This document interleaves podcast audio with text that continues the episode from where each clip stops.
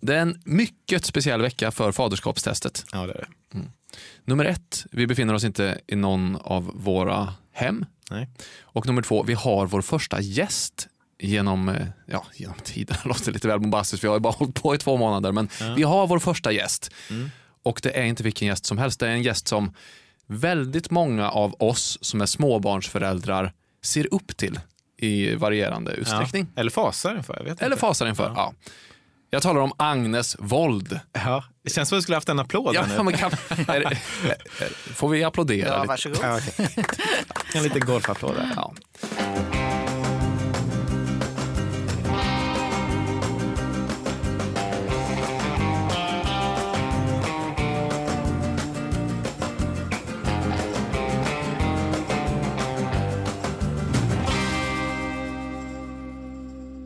Ja, men vad fint. Det här är ju också, jag känner att jag hamnar i, direkt ett, i ett eh, intervju-mode här. Det här är ju också min hemmaarena att, att intervjua mer, särskilt i sådana här radiosammanhang. Men, men, men jag vill ju att vi ska ha det lika fint och avslappnat som vi brukar ha och hoppas att du känner dig bekväm. Agnes, du har fått lite kaffe, en banan har du också och Rasmus har fått sin eh, julmust här. Eh, Ja. Så att eh, vi, vi, vi kör igång. Vi är ju väldigt nyfikna egentligen på att höra eh, mycket från dig. För vi är ju konceptuellt eh, ängsliga, som kanske föräldrar är eh, generellt. Men du är ju inte lika ängslig då. Ja, jag var ju när jag var förälder. Jag var ju Var hysteriskt ängslig. Ja, absolut. Mm. Och, jag är ju så övertygad om att det har biologiska orsaker. Alltså att, eh, Ängsligheten?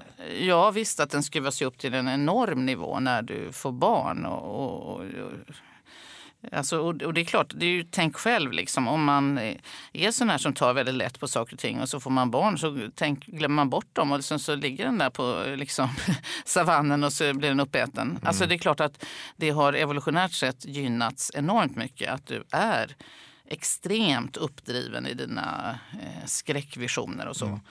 Och sen tror jag tyvärr så är det så att eh, ju smartare du är, ju större föreställningsförmåga du har, ju mer kan du ju driva upp eh, vansinniga eh, skräckscenarier. Va?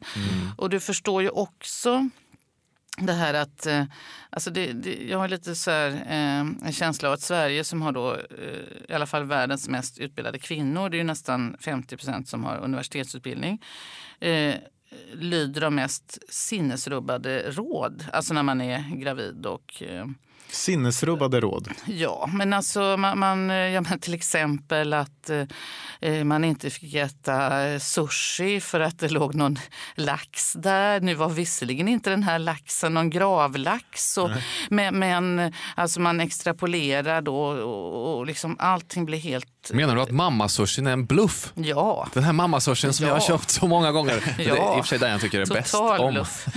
Ja, ja, Men det finns en mamma-sushi. Ja, det man- finns ju alltid på menyn finns det ju också. Det finns ju Gör det vanliga fortfarande? 8 bitars, 15 bitars och så mammasushi. utan, utan lax då. Ja, bara avokado egentligen. Mm. Rätt tråkig, men, eh, men jag gillar den mycket. Ja, men, Ja, men- alltså du Agnes, du, du är ju eh, professor i klinisk bakteriologi Ja. eh, vid Sahlgrenska här i Göteborg.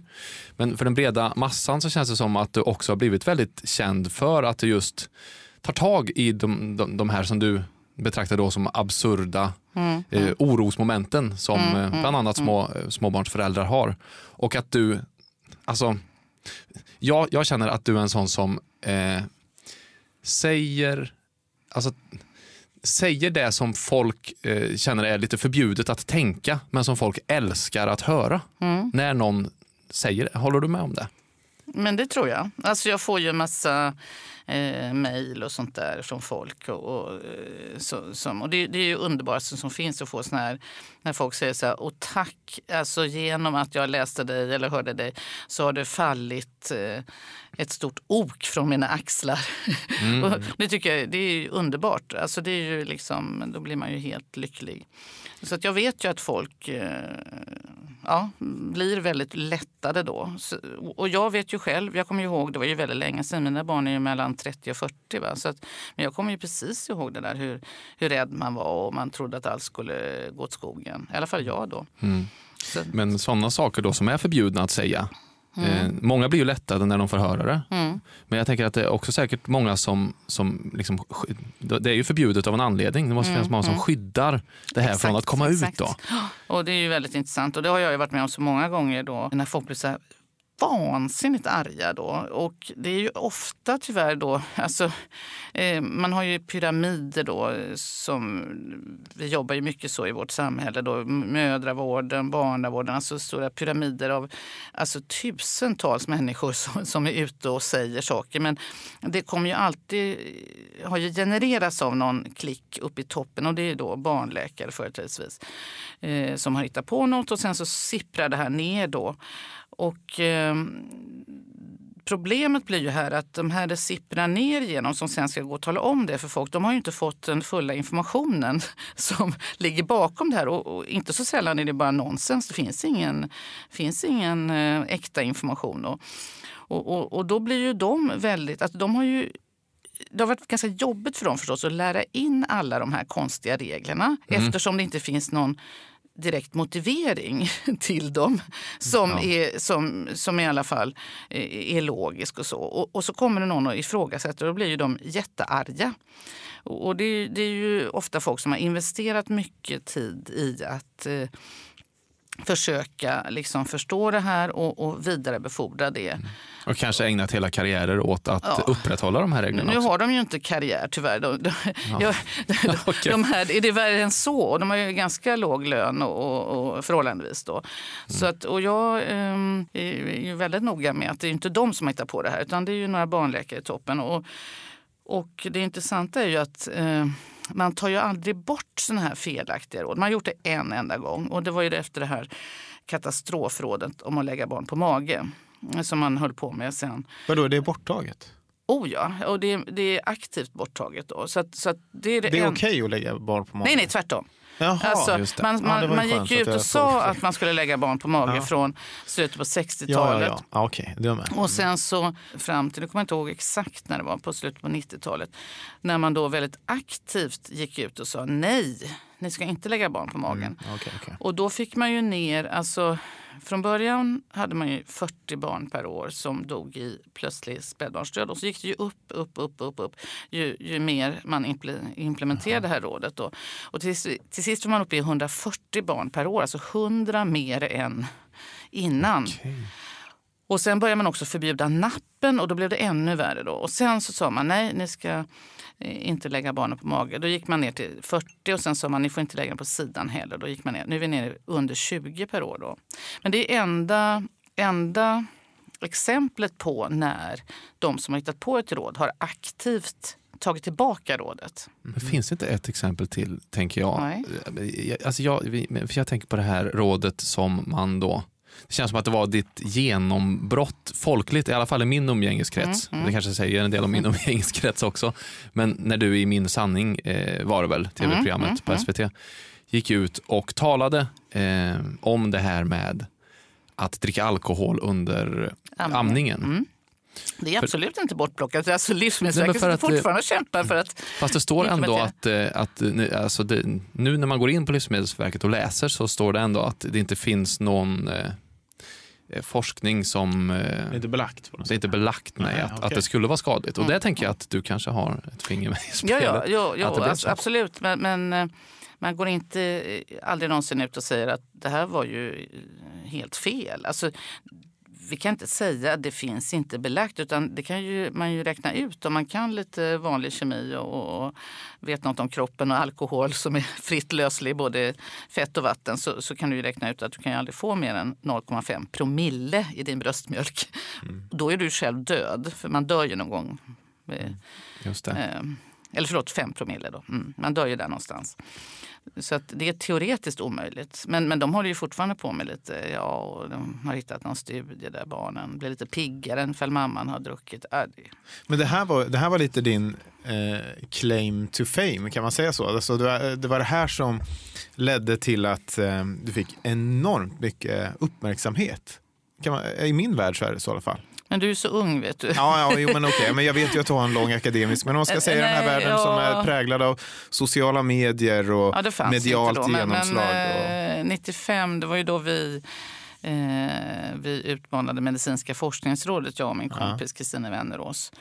Och eh, vi hade sökt tjänster och så fick vi inte dem och så blev vi förbannade. Så gick vi och räknade och tog fram eh, mm. vad folk hade publicerat. Och så skrev vi ju DN debattartiklar, det var det absolut finaste på den tiden. Mm. Det var ju två, de fick ju 200 eh, så att säga, bidrag i veckan och de kunde publicera sju. Och, och det allra finaste var söndag och vi kom in på en söndag. Mm. Och, och, och det kan jag säga, när vi sa att Medicinska forskningsrådet har diskriminerat kvinnor och vi har räknat ut precis. Det var ju en sån skandal och, och, och det ledde ju till, jag, vet inte vad. Men, och, och, och jag vet ju det, jag vet ju att det var stor, ja, mm, men, mm. men du, efter det här så att säga, du, du var ju årets kvinna tror jag va? På, eh, mm, ja, ja, jo, du, du det har absolut accelererat. Jag bara säger att... du, du har varit känd innan, det var ja, det just det,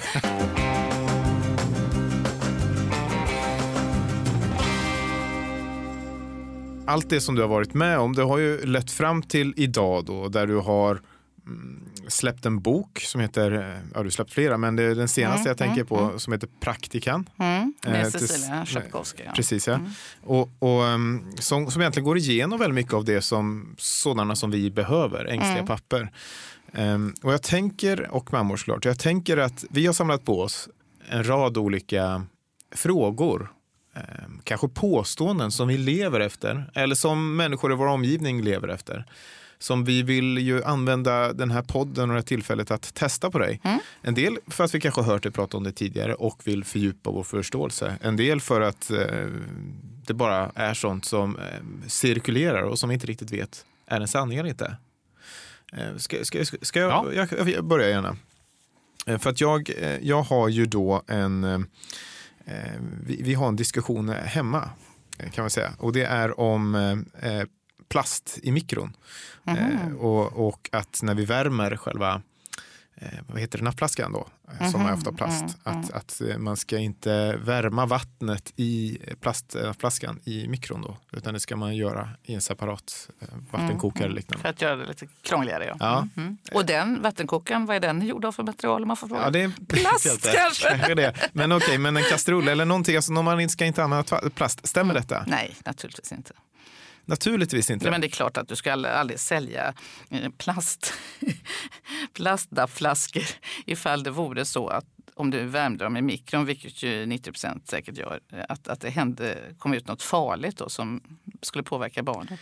Men, och det, här, det här vet du, så att säga. Det här är för att, för att jag, skulle, jag skulle kunna haft långa diskussioner med olika mammor generellt om det här. tror jag. Mm, jo, jo, jo. Det, det, är ju folk som har, åker runt på föreläsningsturnéer och pratar om, om plastsanering mm, vet, och så vidare. Vet, det är förfärligt. Men då hakar jag på ja, plasttåget här och uh, talar lite grann om uh, plastkokeriet detta fasansfulla helsike som man befinner sig i som eh, småbarnsförälder. Det ska kokas nappflaska, det ska kokas napp varannan gång du använder eller åtminstone var femte gång du använder den så ska den ställas på spisen och kokas i minst fem minuter dessutom. Åh, oh.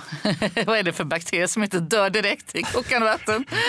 Jag känner direkt att jag är ute på hal is. Ja, alltså, det stämmer inte. Vi mikrobiologer, det är någon ny art ja, som för... motstår. Det, här, det, finns ju de som lever i varma, varma källor, det måste vara sådana då. Så. Det står ju på förpackningen till nappflaskan att ja, den ska kokas minst fem minuter. Ja, mm. Det står, och, och likadant står det i den här konstiga att eh, man ska först eh, koka upp vatten, alltså när man pulver och så, så ska man blanda med kallt vatten. Normalt förstås så naturligtvis så värmer ju upp vatten till lite lagom temperatur så häller du mm. pulver eller alternativt du kör alltihopa och värmer upp det. Då. Men alltså, man behöver inte nej, koka alltså, Nej, du behöver inte alls koka nappen. Överhuvudtaget? Nej, naturligtvis inte. Därför att det är ju så att eh, de bakterier som finns, alltså det luktar ju pyton efter ett tag i en nappflaska mm. och det är ju, det är ju barnets egna eh, munbakterier naturligtvis som går ut och in då. Men sen är det ju så att eh, om vi tar disk och sånt där. Alltså, eh, disk i sig då dödar ju inga bakterier. Utan det som tar död på bakterier det är ju torkningen. Då. Så att om du diskar eh, tallrikar då och så ställer dem och torkar. Så nästa dag har de ju inga bakterier liksom på sig. För de, bakterier kan ju bara överleva i fukt. Ja, och de, de dör ju då efter Jag har gjort exakt tvärtom. Jag har ju tagit och fyllt på kanske lite varmt vatten och ställt flaskan och så vänt upp och ner på själva den här proppen. Ja, men så gjorde vi alltid också. Det är för Ja. att det inte ska fastna. Och, och... Ja, just det. Ja, just det. Men Det, är- om- det, ska, det är ju jättedumt då ju. Nej, det är ju inte dumt. Det, det, det. Men jag måste låta den torka. Nej, det måste du ju inte för det där är ju bara vanliga bakterier som ditt barn hade i munnen. Liksom. Så det är ju inget farligt.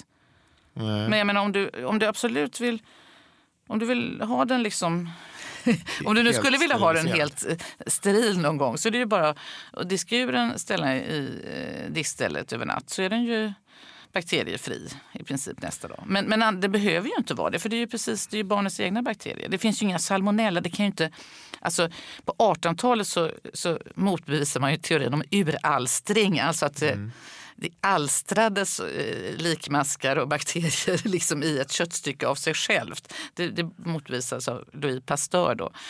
Eh, men, men vi tror ju på den här uralstringen. Men, men jag menar, de här mikroberna som finns där, de kommer ju någonstans ifrån.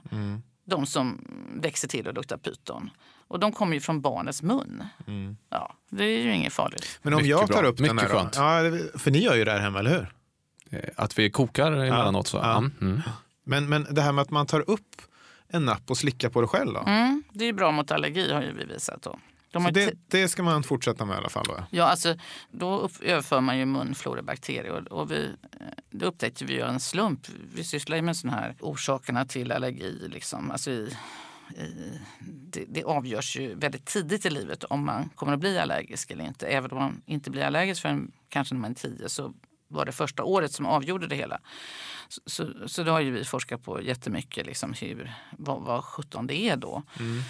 Och, och det var ju en slump då att vi upptäckte detta. Att det var ju nämligen en av allergologerna som förfasade sig. Hon kom hem och sa att det var så hemskt för de här nutida föräldrarna som sög på nappen och stoppade in den i barnets mun. Och, så då infördes det en fråga i vårt frågebatteri i våra studier. Då, vad man gör ifall ungen spottar ut nappen. Då.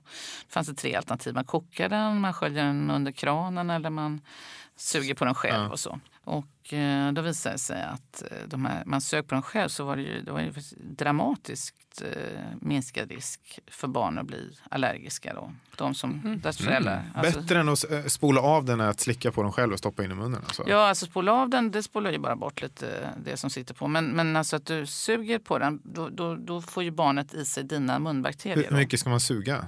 Ja, det spelar Spelar ingen ingen roll, det, det, de kommer dit direkt. Fascinerande. Det är det som är så intressant. för att alltså Det är det jag tycker är så fascinerande. Det här att folk som basilskräck idag. Eh, när eh, liksom, infektioner är ju i princip noll problem. Alltså det är ju jobbigt naturligtvis. Det är, mm, man tycker ju synd om såna här två månader som de är förkylda. Och man tycker det liksom, men det är ju i princip inga barn som dör av infektioner idag. Om de inte har, det finns ju barn som dör men då har de ju oftast någon annan underliggande orsak. Då. Men däremot så, så blir ju en tredjedel allergiska. Och, och det är ju liksom lite motsatsen mot infektioner. Det, ju, det, är ju, det, det blir vi ju på något sätt för att immunsystemet får för lite stimulans. Och då tycker jag det är så konstigt att liksom, de flesta människor borde vara mycket mer rädda för att barn blir allergiskt. Men, men all den här folkloren, eller vad man ska säga, den här, eh, alla de här de, de, det är fortfarande riktade mot att liksom hindra infektioner. Jag säger inte att de hindrar infektioner för det är klart att du får ingen infektion av ditt napp, nappbakterier som är barnets egna munflora. Men, men det är ju det tänkesättet, liksom, att man ska akta sig för bakterier. Och det är ju så totalt eh, kontraproduktivt. För det är ju, man, man borde ju göra tvärtom. Alltså man borde ju låta barnen bli slickade av hundar. Slå ett och- slag för bakterierna. Ja, absolut. Men, men när vi är inne på det då, alltså med eh, det här första året och vad, vad den på, hur det påverkar. Mm. För du är ju väldigt, du, du, tycker, du gillar ju att städa. Eller du Mm. gillar inte det, men du gillar att ha rent. Mm, Ja, väldigt mycket så. Och hur, mycket, hur stor betydelse har det, att det är rent hemma? Ja, det har ingen betydelse alls för att rent... det, det är ju liksom, vad jobbigt. Nej, men alltså det, det är Det ju var en- inte det höra. är ju- Alltså, mm, jag hade just föreläsning om detta idag. Men alltså, det var ju förra sekelskiftet man gjorde den här helt felaktiga kopplingen mellan damm och infektion.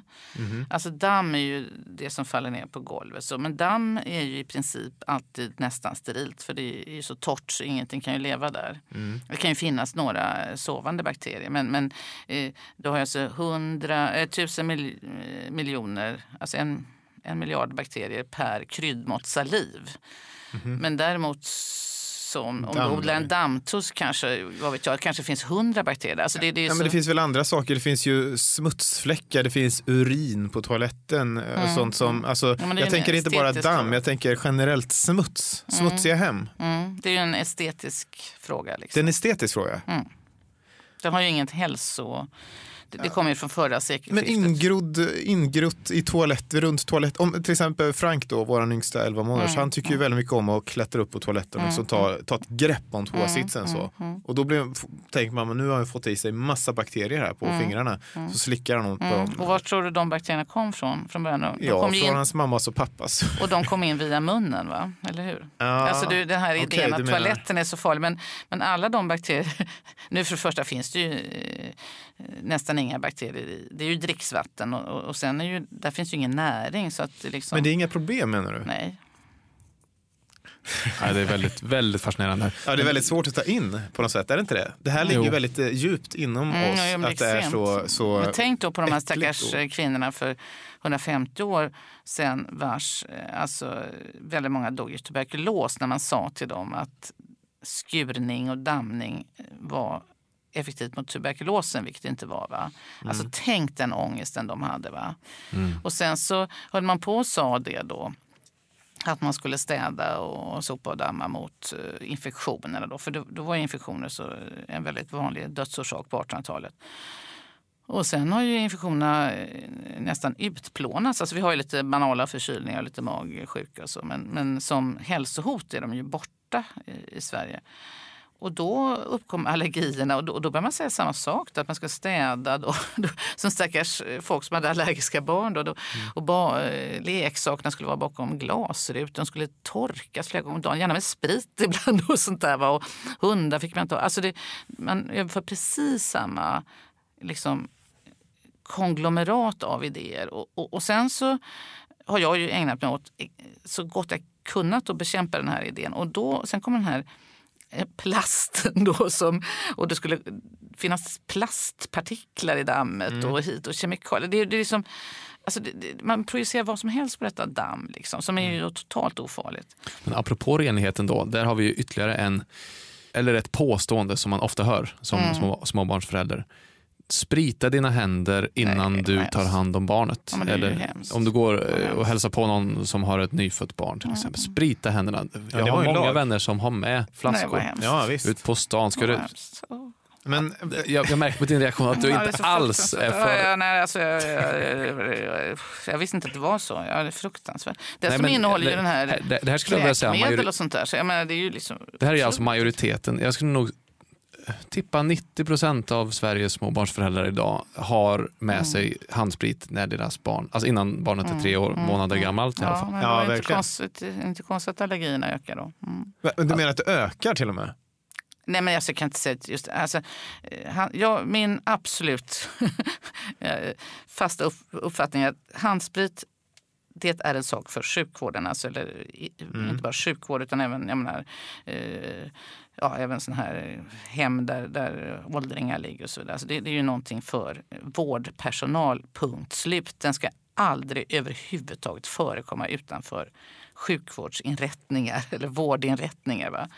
Aldrig, aldrig någonsin. Men, men, eh, Och möjligtvis om du åker till Egypten får du väl ha lite handsprit. Men inte för att det hjälper, för att du får naturligtvis i dig salmonella via maten. Va? Men, Men vad är anledningen då att du är så starkt emot handsprit? Det kan väl vara okej att man nej, spritar det är händerna inte okej. Nej, alltså det, Okej. det, det, alltså det, det blir en fullständig sammanblandning av allting. Liksom. Du, du, alltså, eh, handsprit har ju effekt mot bakterier. Då, och, Mm. eh, det, det finns ju inga farliga bakterier. Alltså vi, mina händer och dina händer, vi har ju hudbakterier. Då, de är ju helt eh, ofarliga. Men på sjukhus, då är det ju så att eh, dels har du då eh, en massa patienter som har nedsatta försvarssystem, då, cancerpatienter, eh, folk som har behandling med immunsuppression och så vidare. Så de är ju väldigt känsliga. Och sen har du också en ansamling av antibiotikaresistenta bakterier där. Då. Och därför är det ju så att före varje patient och efter varje patient så ska du ta handsprit på dina händer så här, och så ska du torka in då. Så att liksom det är klart att de flesta infektioner orsakas av din egen, alltså bakteriella infektioner orsakas av din egen flora. Liksom. Urinvägsinfektion får du från egna tarmbakterier och så vidare. Men eh, när man kommer in på sjukhus så ska man liksom ha sina egna bakterier. Man ska inte byta bakterier inne på sjukhus med andra därför att du kan få små utbrott av någon antibiotikaresistent läskig stam. Då, som, eh, så. så det är ju stenhårt. Du måste ha den här handhygienen och det vet vi ju då att, att de här bakterierna, då, alltså ganska vanliga bakterier, det är ju inga, vi pratar inte om salmonella eller eh, kolera, så, utan det här är ju vanliga E. coli-bakterier och sånt där. Men de kan ha antibiotikaresistens och de kan vara lite mer sjukdomsframkallande än andra inne på sjukhus. Så de får inte spridas mellan patienter. And that's it. Liksom. Men, Finns- men eh, jag har så många frågor. För att, för att det, nu till exempel, det är ju, det är ju vinterkräksjuketider. Mm, men det hjälper ju inte sprit mot. Det gör det inte? Nej. Nej. Nähä, varför, Nej. var, var, var, okej, varför, varför gör det inte det? Jag tänker alltså, att det är det, ett det sprids väl- naket virus då, eh, med väldigt härdigt som inte Okej. Okej, men då släpper vi det då. Men, men om man tänker de allra yngsta barnen som sagt, alltså när vi hade våra barn var helt nyfödda, då var det ju en, du fick knappt ta klivet in genom tröskeln i lägenheten utan att sprita, för att då tänkte vi att de var så extra känsliga för alla möjliga typer av Mm, virus. och det är de ju inte då. För att när eh, människobarn är inte så känsliga överhuvudtaget i och med att eh, man har ju en fantastisk transport över moderkakan av IgG-antikroppar. Mm. Det har ju till exempel inte grisar och kalvar och så. De föds ju utan antikroppar helt och hållet. Vi föds med en högre antikroppsnivå i blodet än mamman har för det är en aktiv pump som sker under graviditeten. Så de är fullpumpade med antikroppar då. De Det är är, ju inte alls särskilt infektionskänsliga då. De här åtgärderna som folk gör är ju helt ineffektiva. Så, så det är ju tur det. För att om de vore, inne, vore effektiva då hade vi ju haft 70% allergi istället för 30. Alltså det, det är ju en fullständigt vansinnig tanke att minska inflödet av bakterier till barnet. Det, det, den är ju jättefel. Va? Men som tur var så spelar det liksom ingen roll för att det, här, det är inte så. Folk har ju fått allting om bakfoten så att bakterier sprids ju inte via damm och om det är stökigt och fläckar och, och eh, jag menar det här är bara eh, några hudbakterier och, så vidare. Mm. Men, så du menar att, att egentligen är det helt, det, det gör varken till eller från alla de här uh, olika eh, grejerna vi gör då för att... Nej, som tur är. Då. Så, att, så att därför så, ja, det finns ju massa löjliga antibakteriella tvålar. Så de, har ingen, de är inte antibakteriella och så vidare. Det, det är ju naturligtvis helt onödigt och dåligt ekologiskt att hälla ut en massa sån skit. Va? Borde vi, vi har en stor dunk, jag på säga. Släng eh, den. sprit. Jag slänger alltid allas hem, så fort jag säger Om du kommer hem till oss så kommer du slänga Mm, den. ja. Alltså. Det blir väldigt spännande Jag konflikt. brukar speciellt på jag. eh, Sveriges Radio, de har blivit eh, lurade av Ja. charlatanbolag som har lurat på dem de så kallade hygienstationer.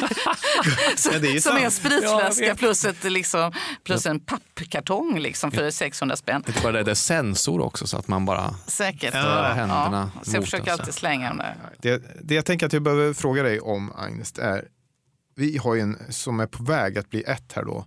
Eh, och då har man ju fått höra väldigt mycket att man inte ska göra vanlig mat då. Just det. Eh, Ja, men det har ju vi tagit ur i våran praktika. Där, ja, tagit, tagit ur, tagit ur. Ja, ta, tagit, det var ju det roligaste av alltihopa. Det här att den här myten som ju jag har trott, det har ju varit så i evigheter den här myten om att eh, spädbarnsnjurar inte tål salt. Och det var ju, liksom, det var ju hugget i sten verkligen. Och det är ju inte bara i Sverige, det är ju över hela världen. Och detta är ju bara påhittat. Men, inte, men som- vad säger du? Att man kan, när kan man börja med, med vanlig mat som har salt i sig? Ja, den kan du ju börja från dagen. Alltså, du kan naturligtvis inte ta ett spädbarn och ge den. 100 procent vanlig mat, självklart inte. Men du kan naturligtvis ge dem... Det finns en fantastisk historia, den är faktiskt sann. Min moster, eh, moster Ester, hon, hon, eh, nu ska jag se, min mamma var ju född 1914, hon var född 1913. Och hon fick barn och låg på då Stockholms allmänna BB. På den tiden låg man i sängen tio dagar och sådär. Och, och bredvid så låg det någon fiskarhustru då från eh, Roslagen då. Och, och, och hon hade legat där sina tio dagar så hon åkte hem. Och sen så efter några dagar så kom hon tillbaka med en unge som var typ alldeles blå i ansiktet. Och då sa den här kvinnan, konstig unge äter inte sill och potäter. Mm. så, att, så var det då. Så hon hade försökt ge Ja, det den är här... klart, det är väl ingen som, som hade sådana råd liksom för hundra år sedan så att säga. Om att, eh, Nej, att man inte får ha salt i Nej. maten. Ja, det är jag blir väldigt 100 år glad. Jag har ju Ja. inte saltat min mat på fyra månader. Ja, så nu jag blir slippa det. otroligt, Ja, och det är så otroligt glad. äckligt. Ja, det är och, och detta gör ju mig helt vansinnig. För att det här har jag ju också... Alltså, på min tid, då, då jag ammade ju mina barn eh, sådär sex månader, vilket man inte fick då. Det som man ska göra idag. Då. Men, och sen så skulle man försöka ge dem vanlig mat. Och, Mm. och så var man ju så här, man skulle inte köpa burkar utan man stod och mosade såna här eh, potatisar och sådär. Och sen så ingen salt. Och så när man gjort detta så kom man med den här skeden och så ungen bara bla, liksom den här vrängde ut och in tunga så att den liksom kom inte ens in, in i munnen. Ungen lyckas... Liksom, vet. alltså man bara kände avskyn. Va? Ja. Och sen gick man och köpte någon jädra burk och så hände samma sak. Och så var man förtvivlad. För på den tiden så stod det, det var ju tvärtom mot nu. Så då stod det så här, om ditt barn inte får äta riktig mat i fyra månader och är fullt av med sig så kommer den aldrig att äta riktig mat hela livet.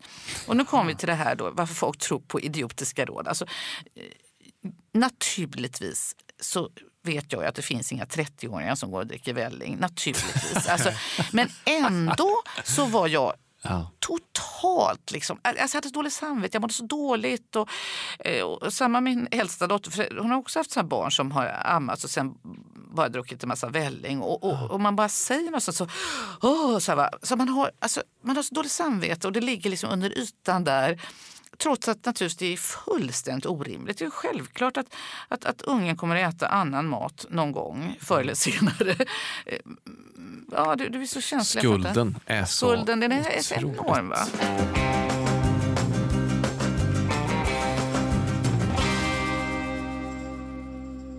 Det här är möjligt att det sticker av lite grann från ditt normala forskningsfält och så.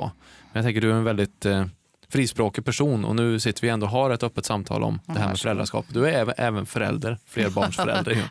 Och morf, morförälder. Ja, rent av. Nej, men för jag tänker på en sak, det är det här med konsumtion. Det är alltså något som eh, jag svämmar eller svämmas över av. Alltså intryck och impulser, uppmaningar om att konsumera olika saker. Det är luktfria eh, blöjsopkärl, det är babynests, det är ja, Mm, gud vet vad. Liksom. Och, och det är ju för att alla dessa olika produkter eh, som riktar sig till småbarnsföräldrar är annonsfinansierade. Inte minst vår egen podd. Liksom. mm, Eh, och det här upplever jag som eh, problematiskt. Liksom. Jag skulle gärna vilja höra lite grann dina tankar kring det. Vad behöver man, tycker du, liksom, när man får ett helt nytt barn? Ja, det har vi skrivit i vår praktika. Du behöver bara eh, något att bära hem barnet i. Eh, och sen så behöver du ju blöjor då. Jag kommer inte ihåg om det var mer som behövdes. Bilbarnstol. Ja, Ja, det man var det har du åker menade, bara- bil. bara ja, bära precis. hem. Så behöver de ju någon sån här lift eller något kanske. Alltså, man, eh, alltså babylift. Alltså något sånt här som man har dem sovande i. Eller, ja, Ja, ja. eller en vagn eller något. Eller, ja. Ingen, ingen eh, spjälsäng. Nej, spjälsäng. det- ja, som vi sa då båda två, det, det är ingen, jag känner i alla fall ingen vars barn har sovit i spjälsängar och inte mitt, mina barn heller. Utan de hängde ju massa kläder på dem. Liksom. Så Ja, det var ju en sån här mm, garder, extra garderob. Det är, det är inte helt osant. Nej, det är verkligen inte helt osant. Alltså. Men vi har för sig på, på andra barnet här har vi faktiskt börjat använda den då mer som ett fängelse just för att han krypa, när han börjar krypa liksom att han inte Precis. ska... Det fanns ju något som heter Hage. Det, det var Ja, ju helt ute när jag fick barn. Men det var ju den gamla onda tiden. Då satt ju, på den tiden fanns hemmafruar. De ville ju inte ha barnen i närheten. Nej. Och då hade man en sån här som staket. Liksom. Det låter helt underbart. Ja, ja precis. Och sen de smarta då, de, de kom ju på det här, för att ungen kunde ju sen putta den här hagen. Men Mm. då syr man fast ett lak, spikar fast ett lakan under va? så sitter den fast. så, så då, Det är som de här kopplarna som man har också. En ja, del, det var när jag var liten. Då gick folk... körde ni med. Eh, Nej, men jag hade... Alltså, jag, mina, jag tror inte... Var- men jag kommer ihåg ett sånt koppel. Då, som, Barnkoppel. Mm, mm. Ja, det har något nytt att köpa. Men, men när vi är inne på sådana generella eh, eh, frågor då, då kan vi ju också passa på att, för att en del av den här poddens koncept eh, och anledningen att det heter Faderskapstestet är inte bara för att eh, det är eh, det är när man är pappaledig, heltidspappaledig, som det sanna faderskapstestet tar plats. Det är ganska existentiellt har vi kommit fram till här. Man börjar liksom, vad är man när man inte är sitt jobb eller sin, någon annan identitet? Man är bara hemma. Åh, det är hemskt. jag får ångest när jag hör det. Ja, ja, ja. Jo, jag- Det här är liksom sex månader, nio månader så i sträck. Va? Det är, ju- Ja. oh, Ja, men där är ju vi, eller jag i alla fall, är ju där på nio månadersstrecket, eh, eller i streck här. ja.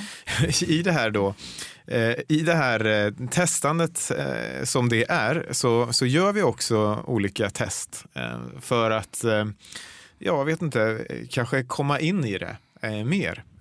Eller också bara liksom testa nya saker eller pröva tankar eller utvärdera beteenden hos oss själva. Och en sån då, som är den här veckan, som var för, förra gången, det är att vi pratar väldigt mycket om, om den eh, kropps... Eh, hets eh, som jag har börjat få, kanske i avsaknad av andra intryck, så börjar Mm, man känna mer av sin Ja, egen det- kropp. ja. Eh, och att jag börjar känna att jag, varför rör jag mig inte? Jag, jag sitter bara och, och jäser eh, hemma. Mm. Blir större och större. Då har eh, vi, ett omvänt förhållande för att du, du har gått in i ett, ett annat. Ja. Medan jag jäser så har du börjat med massa dieter och tränat. Ja, precis. Egentligen inte massa, utan jag har börjat fasta. Sån här intermittent fasta har jag. Ja, alltså, jag, jag tycker så synd om er. Så jag, alltså, Ditt ansiktsuttryck just nu, det är Ja, men priceless alltså. Jag, jag, jag, med, jag säger Oj. på fullt allvar att jag hade blivit, jag hade blivit alltså galen om jag hade varit hemma. Det vet jag. Men alltså, det, är- det är sant alltså. Och, och, och, och det var väl kanske det som räddade mig. För jag, jag visste ju det innan att jag kommer aldrig klara av att, att vara hemma. På den tiden var det ju nio månader. Så. Och då sa jag, jag kommer nog tillbaka efter några månader. Ja, det tror du bara, sa de. Och så kom jag tillbaka då efter två månader.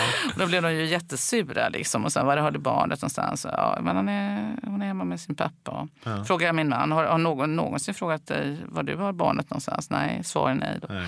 Men, men, vi, men vi delar ju. Men, men alltså just det här att dela, alltså jag förstår inte var det här kommer ifrån att man ska vara hemma så länge i sträck. Jag skulle blivit helt galen. Va? Ja, men, men vad säger du då? För att, eh, min utmaning här är ju att, att jag ska presentera någon typ av du ska berätta, du skulle frossa den här veckan och Ja. jag ska presentera någon typ av, vad var det du kallar det, träningsprogram? Mm. Mm. Ett, tränings, nej, ett träningsupplägg Ett för pappor. träningsupplägg. Ja, Mm. okej. Men, och du skulle, du skulle frossa så mycket som möjligt, släppa, du skulle gå in Inte i min frossa, karaktär. Men, men släppa på de här, mm, den här kropps, omvända kroppshetsen som jag haft. Mm. Inte omvänd, men ja, Omvänt från mig. Ja. från dig. Ja. Mm. Jag måste, för jag tycker det är så intressant. Då. Eh, Jag måste, va- varför, vad kommer den här sig att liksom... eh, Alltså de här duktiga papporna idag, Ja. då, de, de tar ju nio månader. Fast först tar morsan nio månader och sen tar han nio månader. Intressant. Det är nästan Mm. inga som liksom tar en, en vecka var. Och så, och då, då säger alla... Och, Det är ju bland annat för det här, det här rådet med helamning i sex månader. Ja, men snälla nån, jag helammade ju i sex månader. Det, det gick, eh, du, Ja, det, det går förstås ändå. Du menar att du man- pumpar då och, och, Ja, och, då och gjorde vi det. hem? Men, men, men ja. liksom, sen, sen är det ju inte så att folk hela mig i sex månader. Som tur är så Nej. ljuger ju folk. Då. Det, det sa ju då den här största barnläkaren Nestorn. Vad heter han nu då?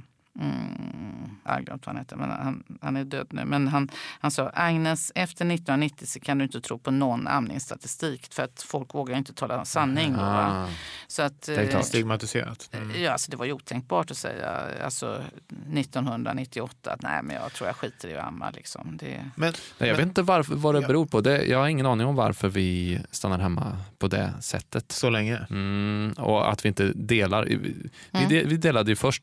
Linda var hemma sex månader, sen hade vi halvtid i sju månader eller något. Mm. Och nu är jag hemma i sex, sju månader. Men var inte det åtta. mycket, mycket, mycket, mycket bättre? Mådde du inte bättre då när du hade det halvtid och sprang fram och tillbaka?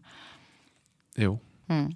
Men jag, jag tror att jag har tänkt att, och det har jag sagt till dig, att du var inte riktigt pappaledig då. Nej, just det. Du kom där och, Ja. med ditt mästrande Ja, pekfinger. Men det är väl för att jag har känt mig mästrad själv, inte av någon person i min närhet utan kanske generellt av att eh, alltså, Mm. Samhälleligt mästrande på något Ja, sätt. men, men jag tror också för att jag tänker att jag blir, alltså att jag börjar flacka med, med blicken och koncentrationen. Alltså att det blir en, jag skulle gärna vilja vara en person som kunde absorberas och vara, alltså vara en mer barnperson än vad jag är. så att säga. och att jag tänker att det är en träningsfråga. Du Och att den att hjärnan kanske måste...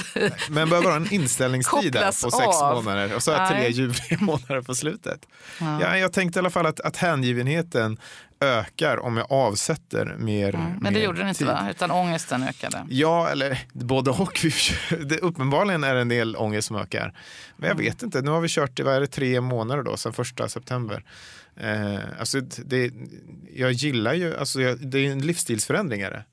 Eh, och jag gillar att experimentera med det åtminstone. Men vad säger du om det här som jag testar nu då? Med, eller vad säger du om att jag borde börja eh, röra på mig mer? Nej, under det behöver jag inte göra. Jag- Men som sagt var, det är det är ju sorgligt att, att du redan har jag haft dina nio Ja. så att säga, barnfria månader. Så det finns ju inget att, att, att spela på här. Då. Men annars skulle jag sagt, men gör nu som ni gjorde där med alltså, eh, deltids... Det, du tycker vi ska dela? Ja, men det är Ja, det off the table här. Det, Ja, det går nej, det går Du ska jobba Nej, heltid nej. Du behöver inte röra på dig mer, du behöver jobba mer. Eller Är det dela det? på det.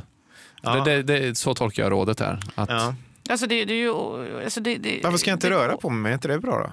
Alltså, du får ju jättegärna röra dig, men, men, men det är ju inte där skon klämmer. Liksom. Utan det handlar ju om att du är understimulerad. Och det blir man ju om man som vuxen människa eh, med liksom lite intellektuella krav och pretensioner eh, är hemma med barn. Alltså, sen finns det ju folk, alltså, jag känner ju folk som, som är liksom, vad man kallar barnkära. Ja. Det kanske är 10-15 procent av alla människor som verkligen tycker det är skitkul. Ja, min Men- fru är ju verkligen en sån. Men det är ju en, eh, det är en liksom subgrupp av Mm. människor då. Eh, och, och så. Men, men de är ju inte alls en majoritet, det är jag säker på. De, de flesta Mm. människor är inte... Alltså det är klart man tycker om sina barn och, och man vill inte bli av med dem och man är glad att man har dem. så vidare, Men det är inte så att man tycker det är så kul. Eh, Och, och sen finns det ju, jag har ju aldrig gillat att leka, och så, inte ens en, som barn. Så att, eh, liksom, varför skulle jag tycka det var kul som vuxen då? Så, Men, men jag ska släppa, du, du, jag, jag måste, för att det här, vi behöver ju avhandla det om inte annars. Så jag, vill Ja. också, jag, kanske vill, jag vet inte om jag letar efter en, under, en u- utväg här, men du tycker jag ska släppa under pappaledigheten min, mina träningsambitioner? Alltså du, du måste ju se till att du Jag eh, klarar annat. mentalt. Liksom. Ja. Det, är ju bara, det spelar Jag njuter ju inte av gör. träning. Jag, jag tycker att det är det Ja. vidrigaste som finns att hålla på och träna. Så att det är inte så att, det, att, att Då jag... blir du ju inte... nej, det, det, nej, det blir, nej, precis. Alla har väl sina sätt att överleva. När jag ehm, hade barn då, då var det ju min stora enda grej det var att jag skulle hinna läsa Dagens Nyheter innan de var slut.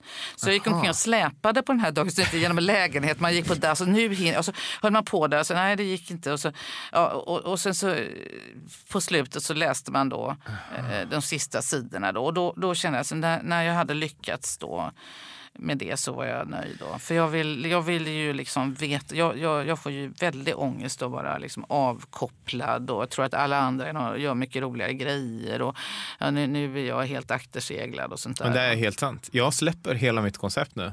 Jag, ser ju att det, det är ju snarare stimulansbrist Mm. och inte att göra någonting som jag tycker är tråkigt, vilket jag tycker trå- träning är. Så du hade förberett ett upplägg men istället så kommer du nu börja försöka läsa DN mer? Är det, är det så jag ska tolka det här? Ja, eller praktikan kommer jag läsa om och om igen nu kanske, jag vet inte. Jag upplevde förra veckan när jag, när jag vad ska man säga, skärskådade min egen relation till mat, kost, hållning och hur jag åt helt enkelt. Att det fanns någonting som var lite problematiskt där som hade smugit sig in. Ja. Alltså att jag mådde mentalt illa av att eh, äta onyttigt till exempel. Mm. Mm. Då börjar bli Ehm. ätstörd. Blir Ja, nyttig. Alltså det är ett ord som man inte Mm. vill ta i sin mun och, och, och det är också så att man, jag har stor respekt för den kliniska så att säga eh, diagnosen eh, Mm. i, i någon mening. Det, någon sån har ju inte jag. Men däremot så Mm, en problematik och då Ja, är man ju ätstörd i någon sam, mening. Samhället är ju nästan ätstört nu alltså, med alla tokiga människor som inte äter gluten och Exakt. laktos och så vidare. Det är ju helt bisarrt. Men vad landar du då Rasmus? Vad, är- vad, är- vad, Ja, vad men blir det? eh, jag har då under den här veckan ätit sex julbord på sju dagar.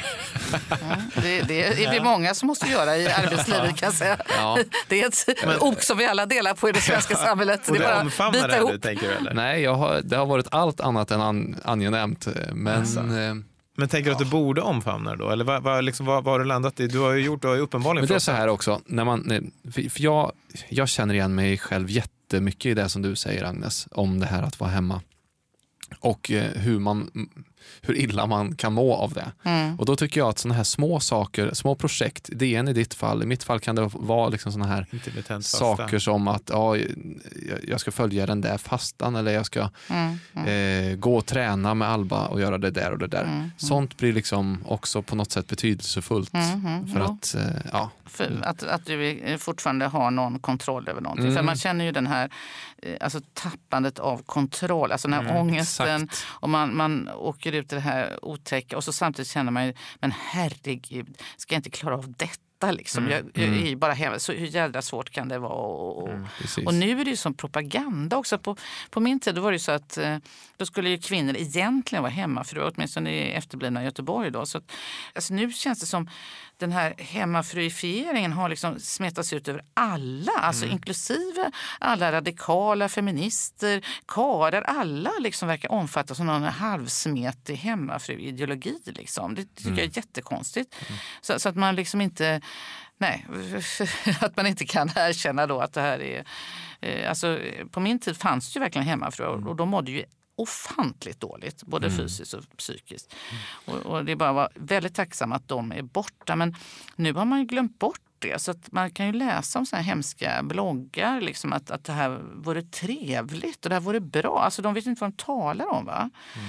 Och det är väl det förbjugna, att man inte vet hur, hur, hur min mammas generation, där var ju väldigt många hemmafruar och, och, och, vi visste ju allihopa hur förfärligt det var och hur, att, att de inte var några snälla och glada människor mm. och att det var inte alls så att de var hemma och lekte med barnen och så, utan tvärtom. Liksom. Och, mm. Men det, finns, det, det, är bortglömt nu då så det blir någon sån här eh, romantisering av det här. Då, mm. Allt går i cykler.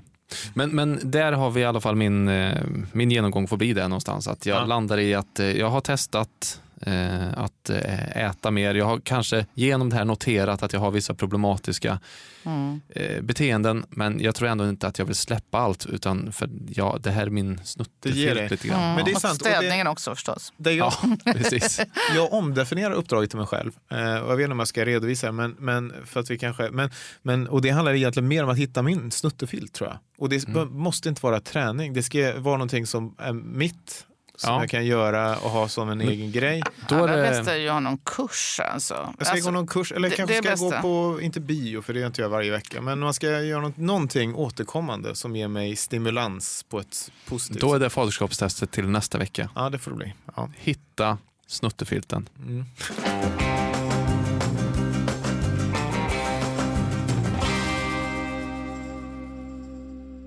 Vi har ju en, en partner till, till podden, eh, TCO, som ju finansierar att vi överhuvudtaget kan, kan sitta här till exempel. Eh, med mera. Och, och de har ju skickat med en undersökning, de har en kampanj som heter Halva ungen är min. Men en undersökning där man frågade barn om vem de pratar med när de är ledsna. Ehm, och då är det 6 000 pojkar och flickor i åldrarna 8 till 14 som har fått frågan. Jag tänker att det krokar in lite på det. Inte för att, för att ibland så kan man nästan, eller det, det är ju lätt att tolka det där som vi pratar om nu, att pappans eh, närvaro eller icke närvaro inte har någon betydelse heller. Men, men det finns ju någonting väldigt... Eller mammans. Eller mammans, precis. Eh, men det finns ju någonting väldigt sorgligt i det här, var, vilka svar de fick. Eh, eh, de svarade så här att när de var ledsna så ville 40,9 procent helst prata med sin mamma. En fjärdedel ville prata med sin kompis. En dryg tiondel vill prata med någon annan och en tiondel vill inte prata någon alls. Först efter alla de här alternativen så kom valet att prata med pappa. Bara 5% ville prata med pappa när man är ledsen av de här 6 000 eh, barnen. Ja, det, det, är ju sorgliga siffror. Ja, men visst är det det.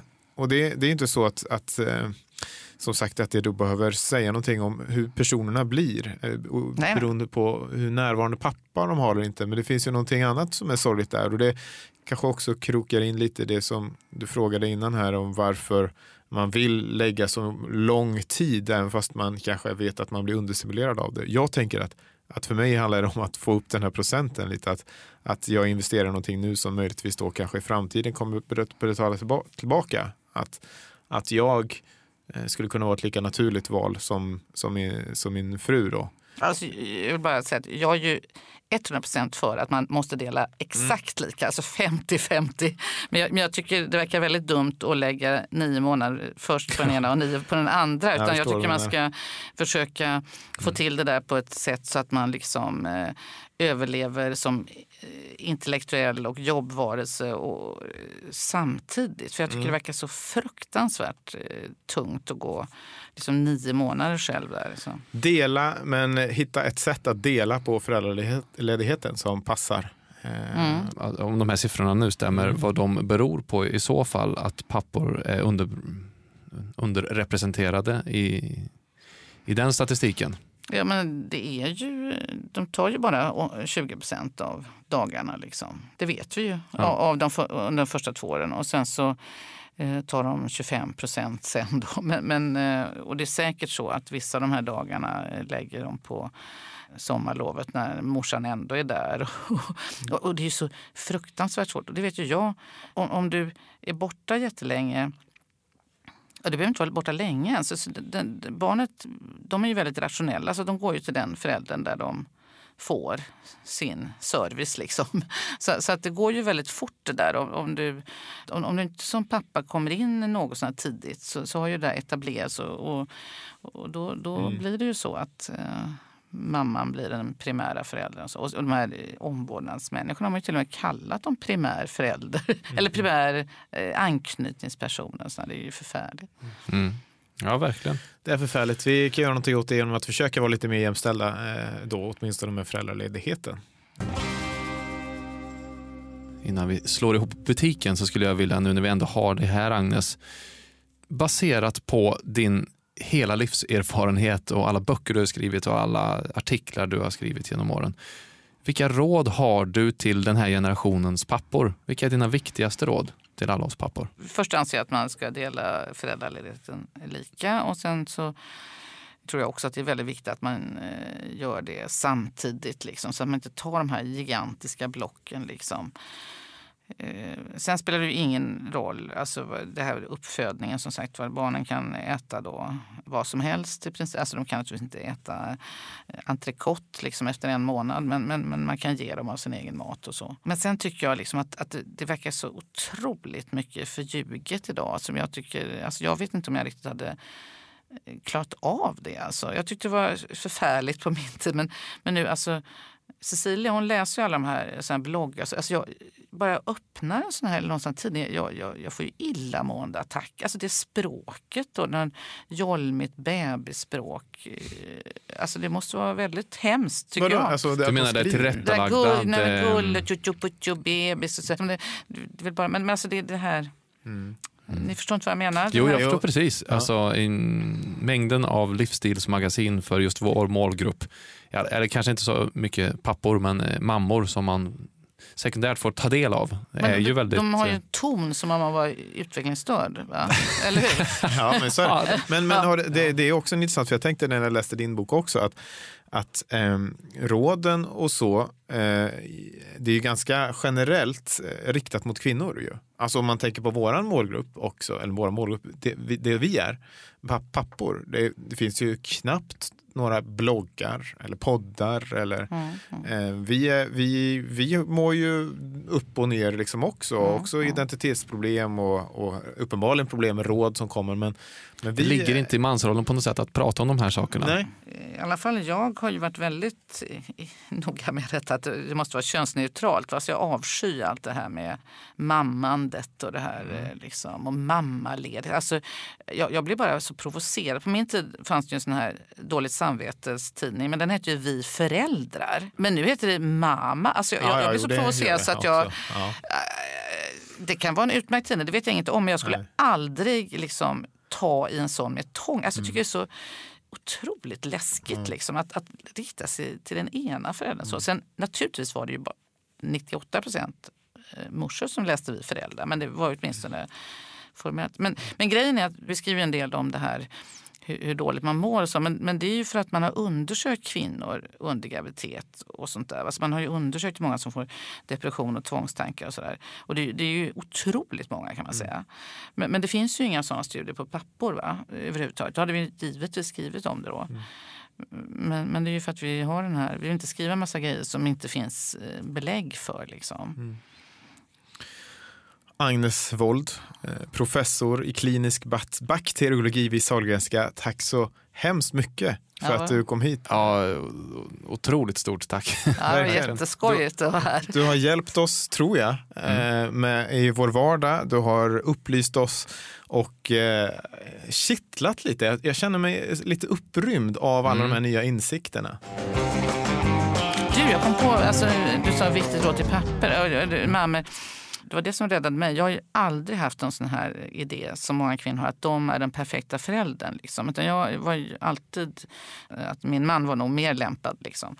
Eh, Men, det är så otroligt viktigt att man inte finner sig i att den andra sitter och mästrar. Alltså det är liksom, utan man måste ju då, när, när den ena är eh, med barnet så, så får den göra som den vill. Och, och, och det är ju inte dugg farligt för barn att det är helt olika regler. Så tvärtom, det är ju liksom hela eh, Tillvaron är ju sån. Liksom. Det vore ju otroligt skadligt om, om alla eh, hade exakt samma normer och regler. Och, då skulle ju ungen komma ut i 15 år och vara helt tappad. Liksom, Så du menar, bara för att den ena föräldern eh, klär barnet på ett visst sätt eller matar på Nej. ett visst sätt vid en Nej. viss tid Nej. så behöver inte den andra göra det när den är hemma? Nej. Men hörni, igen då, tack så hemskt mycket Ja, Agnes Wold. nu, nu får vi försöka undvika. Måste gå hem till våra barn. Ja, exakt. det. Exakt. Tack för att du tog dig tid. Tack för eh, alla insikter som vi har fått. Eh, Och eh, nu fortsätter vi vårt faderskapstest. Ja. Vi kanske får anledning att återkomma rent av. ja. Det får ni gärna Ja. Tack så mycket. Tack ska ni ha. Tack, tack. Hej, hej. hej.